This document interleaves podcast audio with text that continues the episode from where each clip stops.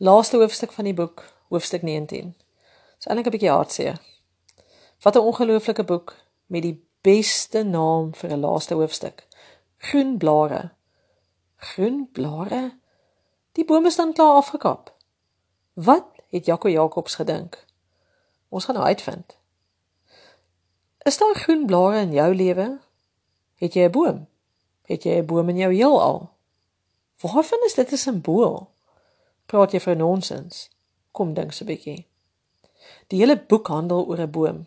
Alles gebeur in die boom, om die boom. Die boom is in die middel, in die middel van die heelal. Wat op aarde is die heelal in hierdie storie? Wat is die heelal in jou lewe?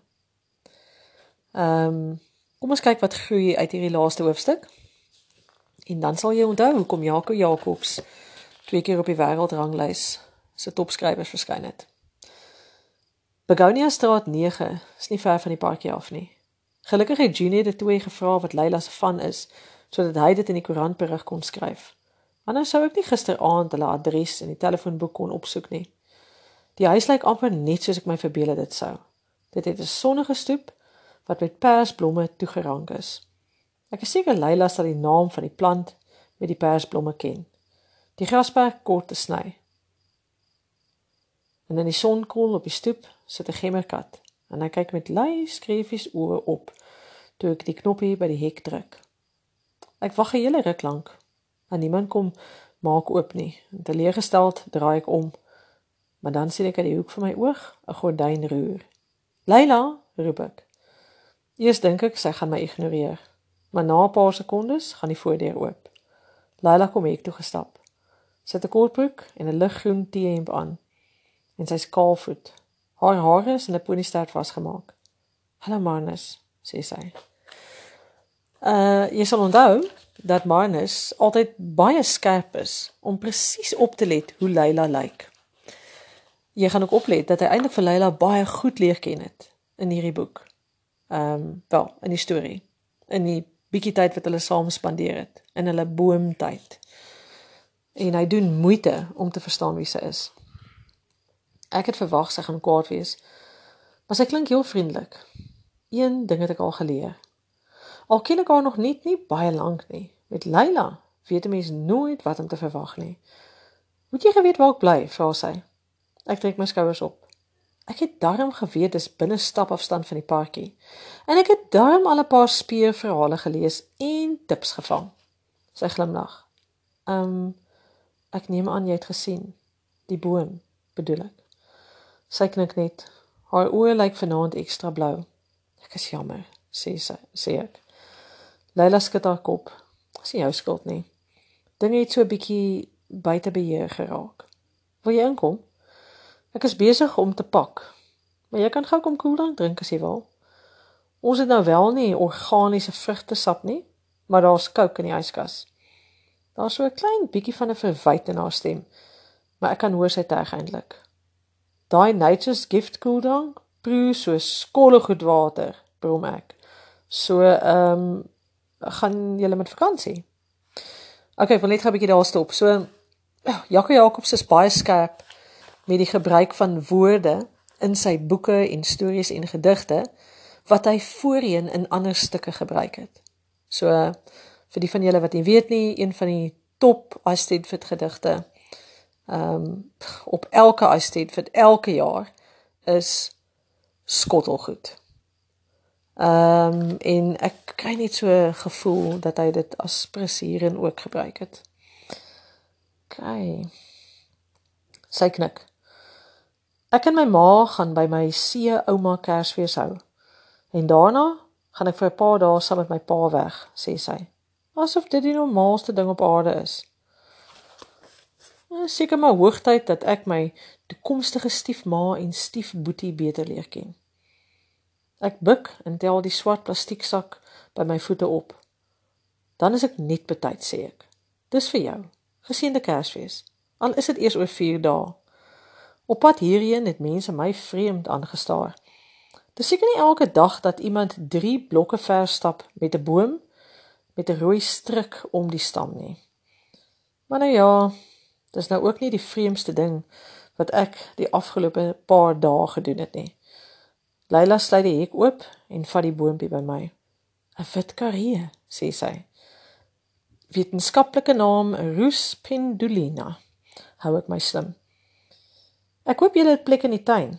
Die man by die kwekery sê, groei baie vinnig, maar jy gaan nog steeds 'n paar jaar moet wag voordat hy groot genoeg is om in te klim. 'n Mens word nooit te oud vir boomklim nie, sê Leila. Dis belangrik. Hierdie lyntjie kom nou al 'n paar keer voor. Uh, ek dink is ook in een van daai prentjie boodskappe wat jy vir vele gestuur het. En waarvan is dit simbolies? As ek nou vir jou sê, jy's nooit te oud om boom te klim nie. Is dit simbolies van iets? Dink 'n bietjie daaroor. Vra jou ouers. Miskien het hulle 'n goeie antwoord ook. Wat is dit nou? 'n Mens word nooit oud om boom te klim nie, sê Leila. Sy streel oor die boom se blare en kyk skiewe kop vir my.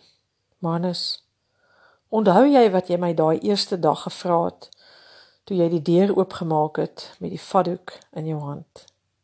Ek skraap my keel verleë. Ehm um, ek het gevra of jy gekom het vir die soenlesse. Onverwags leun sy vorentoe en soen my.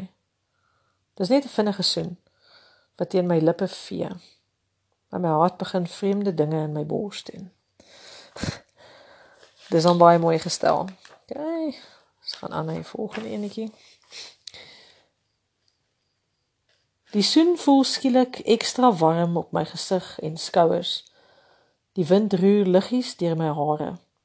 En daar stoot 'n tintelende gevoel deur my arms en bene asof daar enige oomblik blare en bloeisels uit my lyf te voorskyn gaan kom. Graad 7. Dis seker een van die beste einde stukkies in 'n junior literêre boek wat ek nog gesien het. Ek gaan dit weer vir jou lees. Dis basies net ehm uh, figuurlik. En kom ons kyk of jy verstaan wat Jaco Jacobs weer wil sê.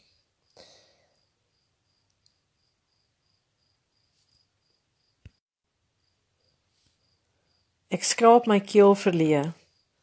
Ehm um, ek het gevra of jy gekom het vir soenlesse. Onverwags leun sy vorentoe en soen my. Dis net 'n vinnige soen wat teen my lippe vee, maar my hart begin vreemde dinge in my bors doen.